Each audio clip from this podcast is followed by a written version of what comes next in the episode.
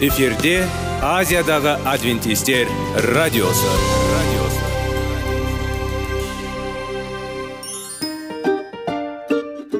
Сәлем достар.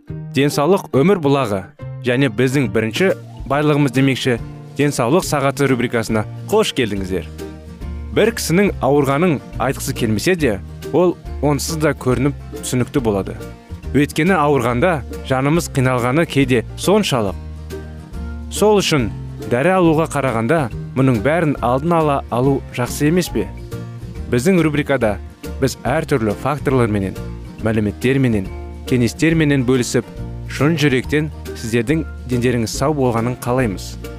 Сол үшін біздің рубрикаға қош келдіңіздер.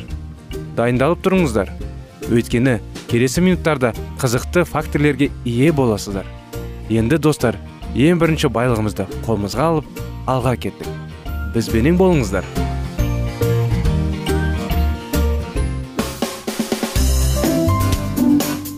Денсаулық туралы хабар. Денсаулықтың ашылуы. Күн сайын сөз үшін күшті кеңестер соңғы жаңалықтар қызықты факторлар біздің рубрикада.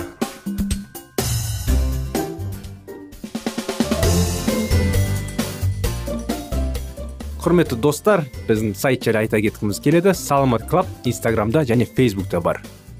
Бүгінгі тақырыбымыз сұлы дейді. Орысша айтқанда әвес сұлы сөзін естігенде сізде қандай қауымдастықтар пайда болады? Жылқы азығым иә? Солай ғой. Осы тамаша жануарлардың күші мен денсаулығының құпиясы неде деп ойлайсыз ба? Бақытымызға орай адамдар бұрыннан бері сұлы авес дейді ғой жармасының құндылығын аша білді. Бүгін біз осы жаңалықтармен бөліскіміз келеді сіздермен құрметті достар. Оның тарихы.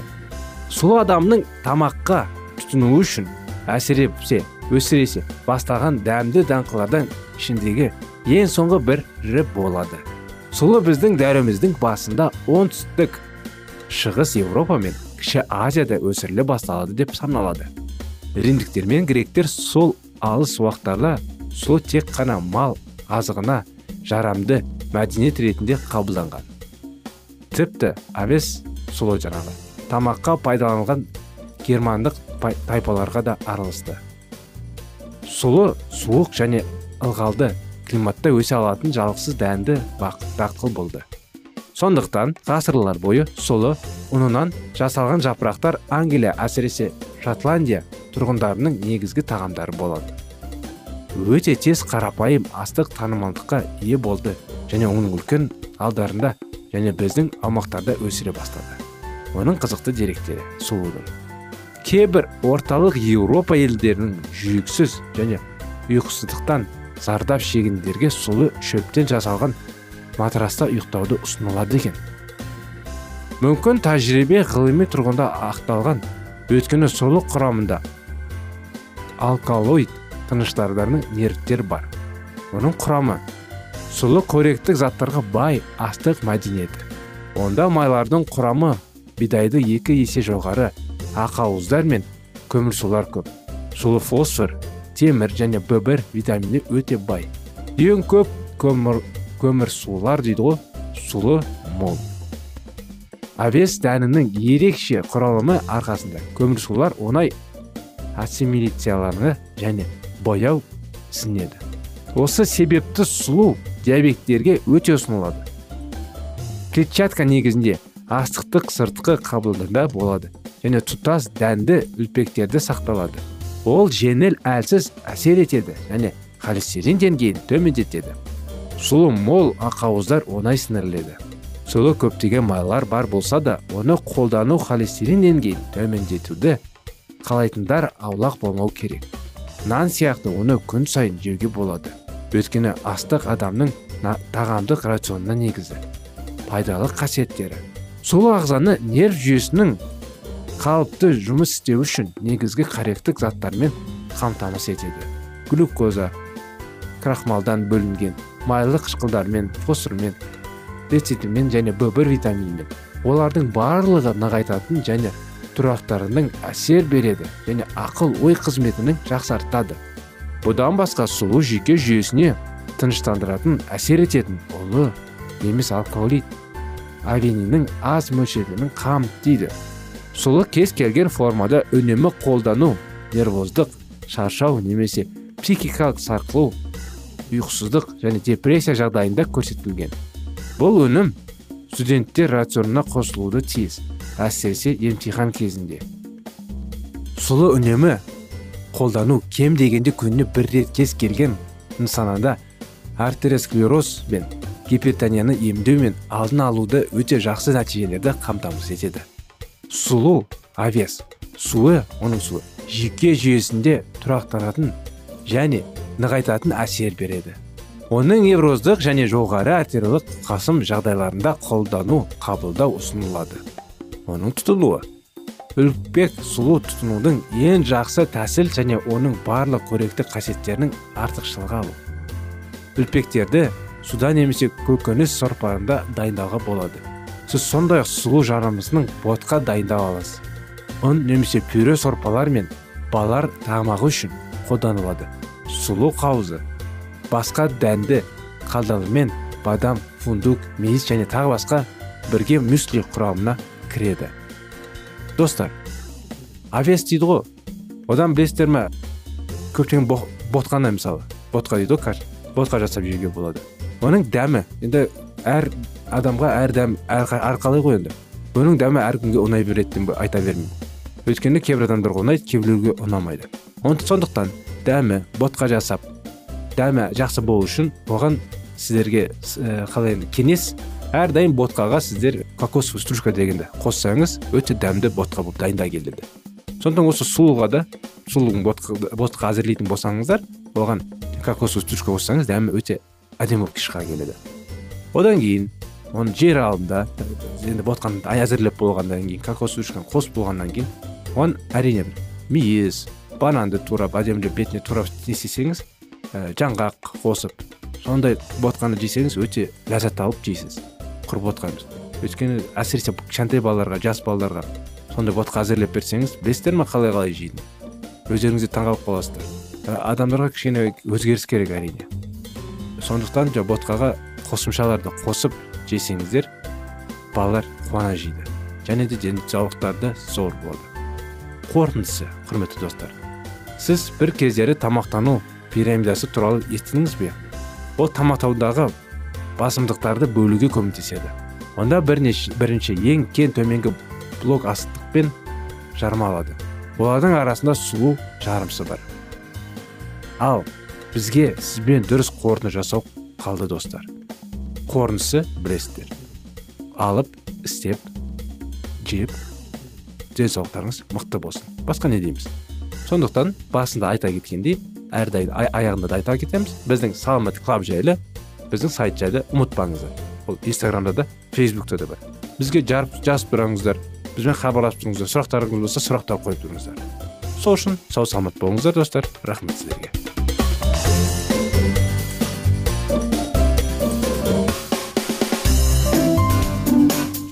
Денсаулық туралы хабар. Денсаулықтың ашылуы. Күн сайын сөз үшін күшті кеңестер. Соңғы жаңалықтар қызықты факторлар біздің рубрикада.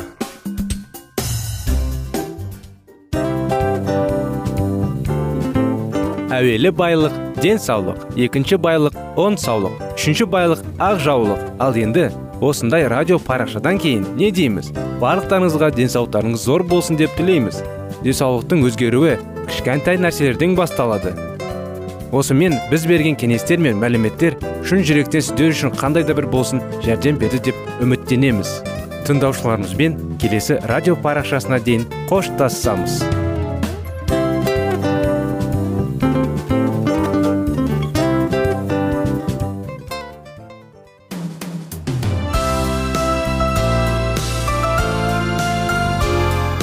эфирде азиядағы адвентистер радиосы.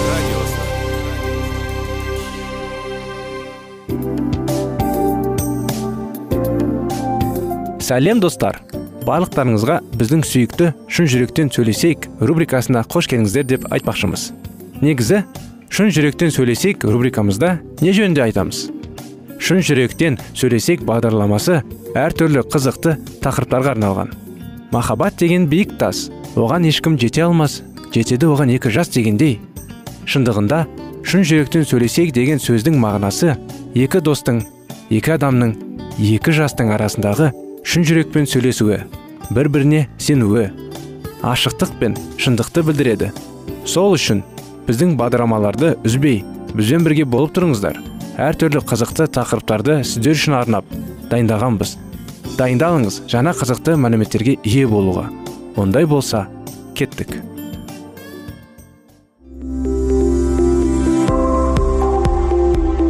Алтын сөздер. Сырласу. Қарым қатынас жайлы кеңестер мен қызықты тақырыптар. Шын жүректен сөйлесейік рубрикасында.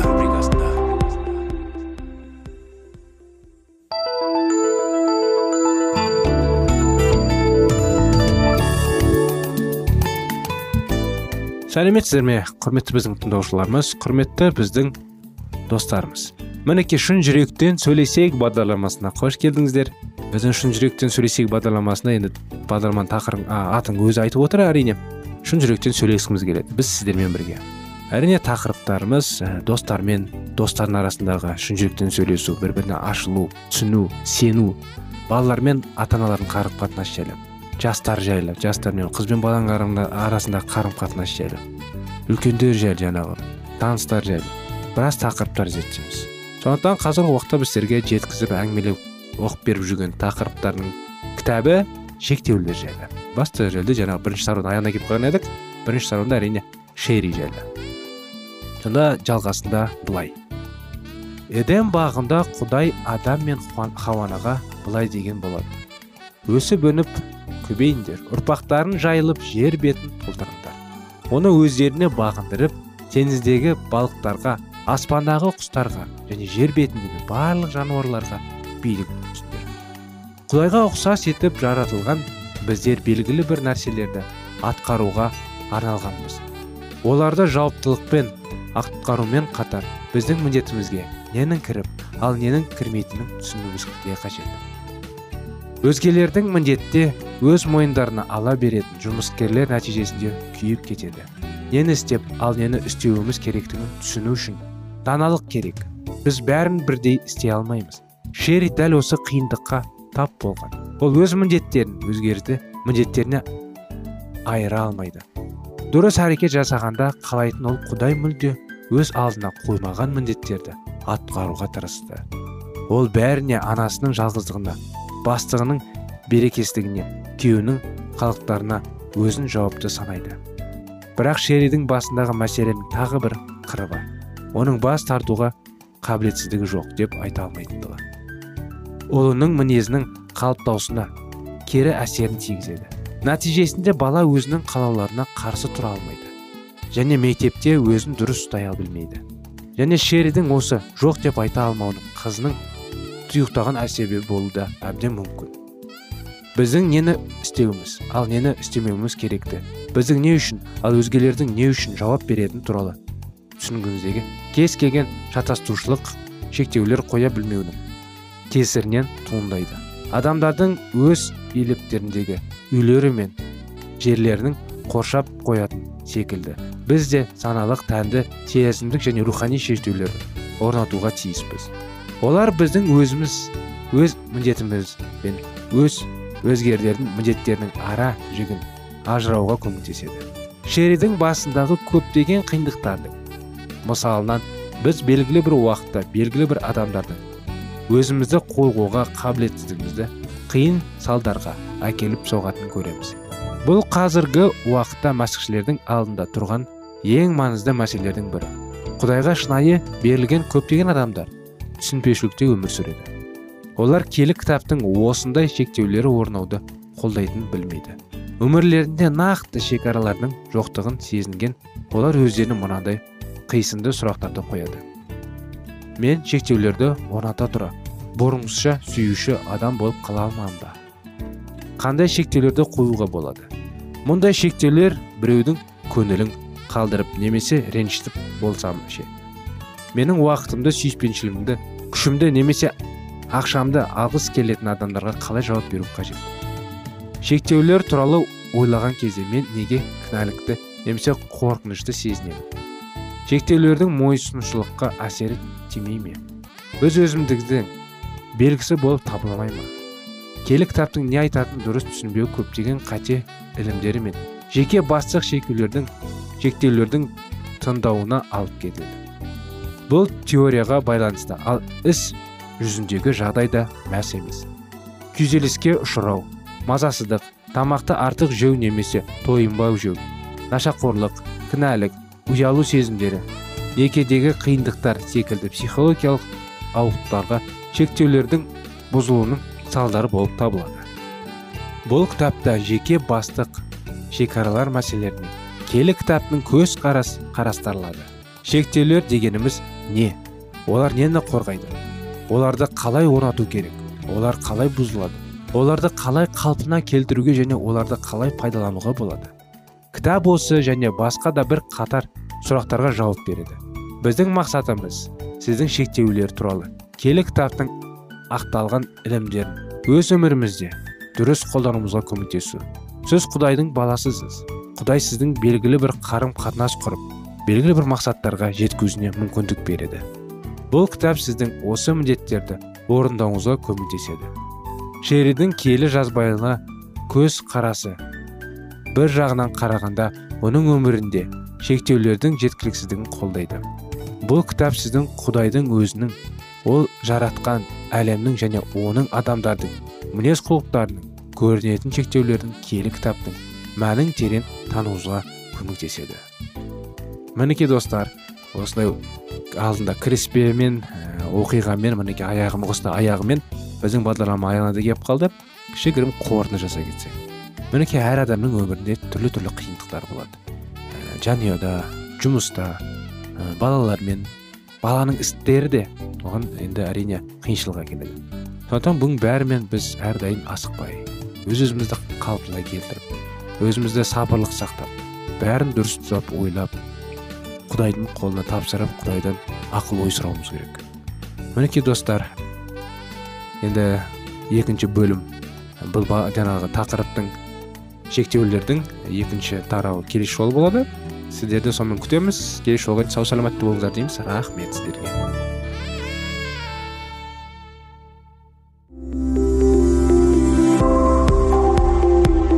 Алтын сөздер.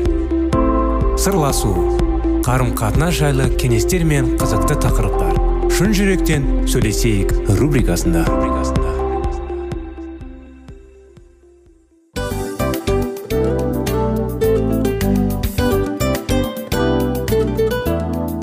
Құрметті достар барлық ең соңғы кеңестер аяқталған соң біздің программамыз соңына келіп қалды.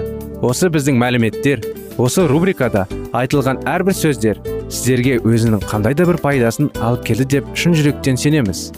Және бұдан да көптеген рубрикаларымыз бар. Басқа рубрикаларымызда біздің зерттеулерімізде сіздер үшін тағы да қызықты мәліметтер дайын. Біздің шын жүректен сөйлесейік парақшамызда көптеген әдістер ең соңғы кеңестер адамның нравственность жақтан моральдық жақтан тазалап байыта тұрған соңғы кеңестердің барлығын жанарады. сондықтан алдыңғы күндерде бізбен бірге болыңыздар. Өйткені барлық қызықтар алдыда. Бізбенен бірге болғандарыңызға үлкен рахмет. Келесі кездескенімізше сау сәлемет болыңыздар.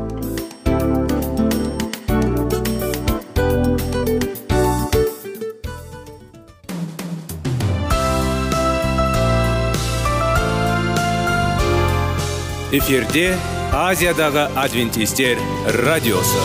Радиосы жан дүниеңді байытқан жүрегіңді жаңғыртқан өмірдің мағынасын ойландырған рухани жаңғыру рубрикасы.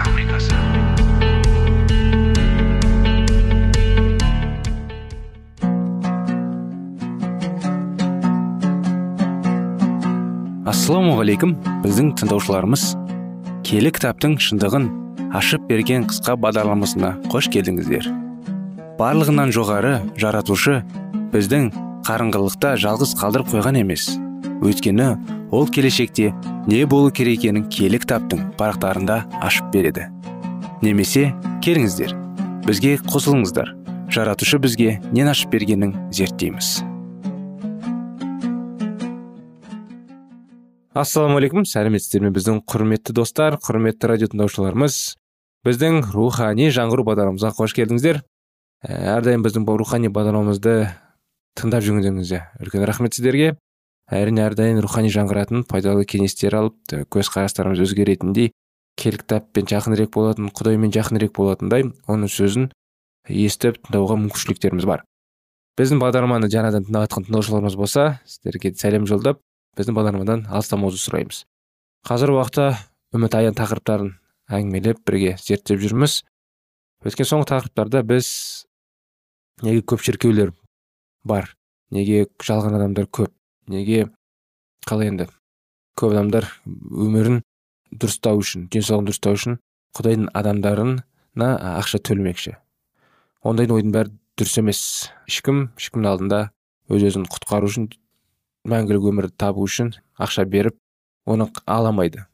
Кей кездегі ғасырларда әрине кейбірлер енді сол кездегі адамдар арнайы бір индульгенция беріп арнайы бір қағаз беріп чек беріп ақша төлесең сол чекті береді саған. Ол чекпен әрине индульген ә, жаңағы қағазбен біреуге сен қағаз сатып алуға болады. Мысалы сен інің ініңді сүйесің жақсы көресің кейін болашақта інің сен мәңгі өмірде өмір сүретіндей құтқарылатындай ол күнәлік өмірден. Барып ақша беріп сол қағаз сатып алып сен ініңе мәңгілік өмір сыйлай аласың. Бұл әрине жалған ғой достар. Ә, жақсылап ойлану керек. Өйткені кезінде сондай өте көп етін. Сондай жалған шіркеулер жалған адамдар көп етін. Бізді тек қана иса мәсіх қана құтқара алады тек қана құдай құтқара алады. Әркім өз өзін ғана құдайдың алдында ақталады. Күнәсін мойындап құдайды жаратушы иеміз деп құтқарушымыз деп бізге махаббатын беріп мәңгілік өмір сыйлайтын деп. Сенетін болсақ әрине сол кезде біз тура жолмен жүріп өзіміздің өмірімізді туралауға тырысамыз.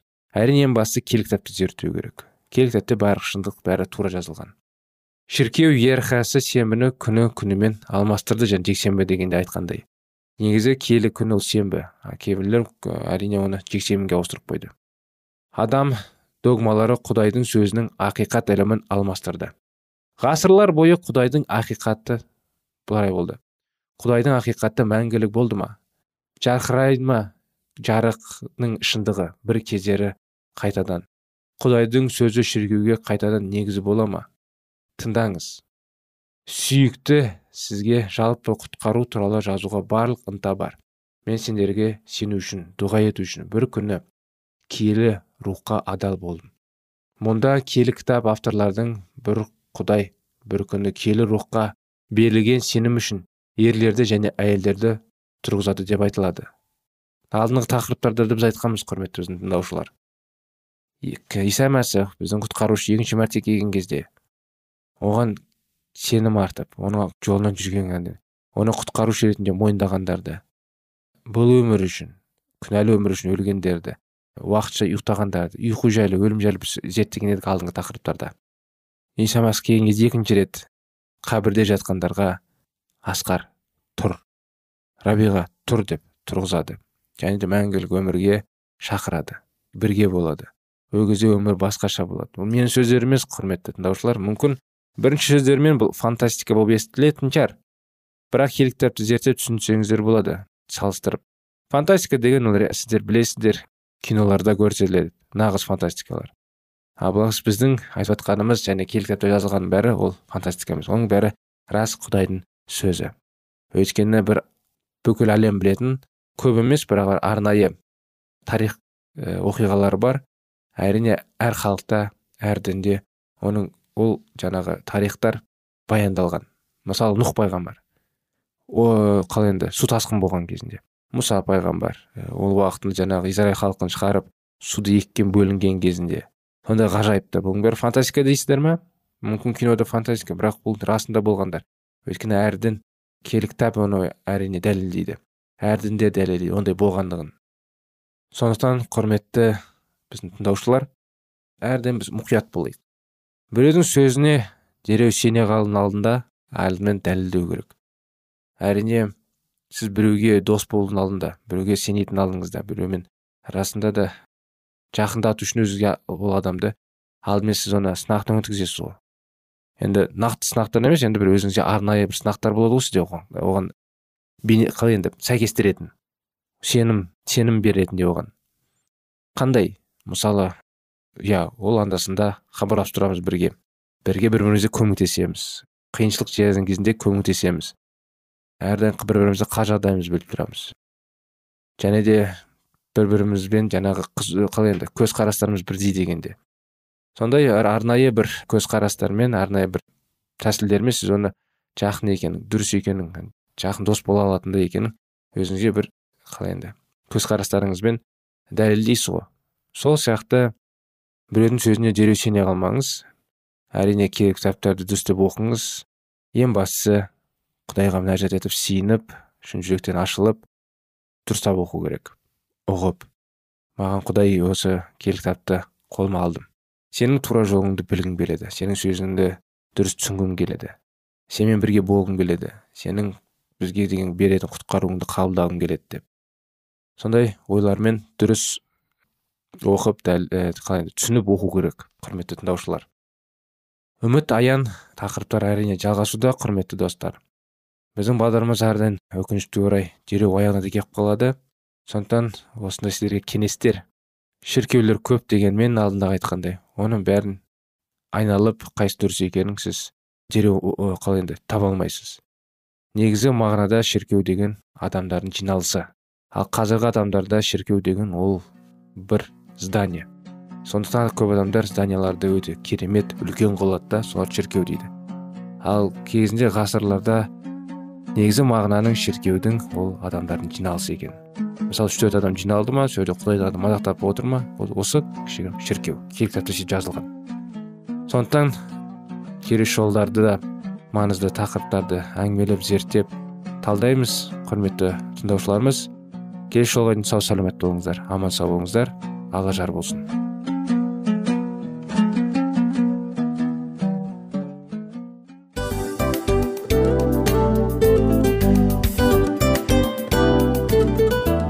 Мынау осы уақыт тез өтіп кетеді екен. Біздің бүгінгі рубрикалардың аяғына да келіп жеттік. Ақпаратымызды парақшамызды қазір ғана бастаған сияқты едік. Соңында да келіп қалдық. Уақыт деген тегі білінбей өтіп кетеді екен. Бүгінгі 24 сағаттың алтындай жарты сағатын бізге бөліп арнаған үшін рахмет. Егерде өткен сфераларда пайдалы кеңес алған болсаңыз біз өзіміздің мақсатқа жеткеніміз. Кеңестерді қолданам десеңіз өзгерістерді кішкентай қадамдардан бастап іске асыра беріңіздер де жасағандарыңыз үлкен үлкен жетістіктерге жете берсін. Шын жүректен әрбір берілген кеңестер сөздер сіздерге пайдасын әкеледі деп сенеміз. Сіздермен бірге кездесулерімізді сөзсіз түрде асыға күтеміз. Сәтті күн тілеп сіздер менің ұзаққа қоштаспай келесі кездескенімізше тек қана сау саламатты болыңыздар дейміз.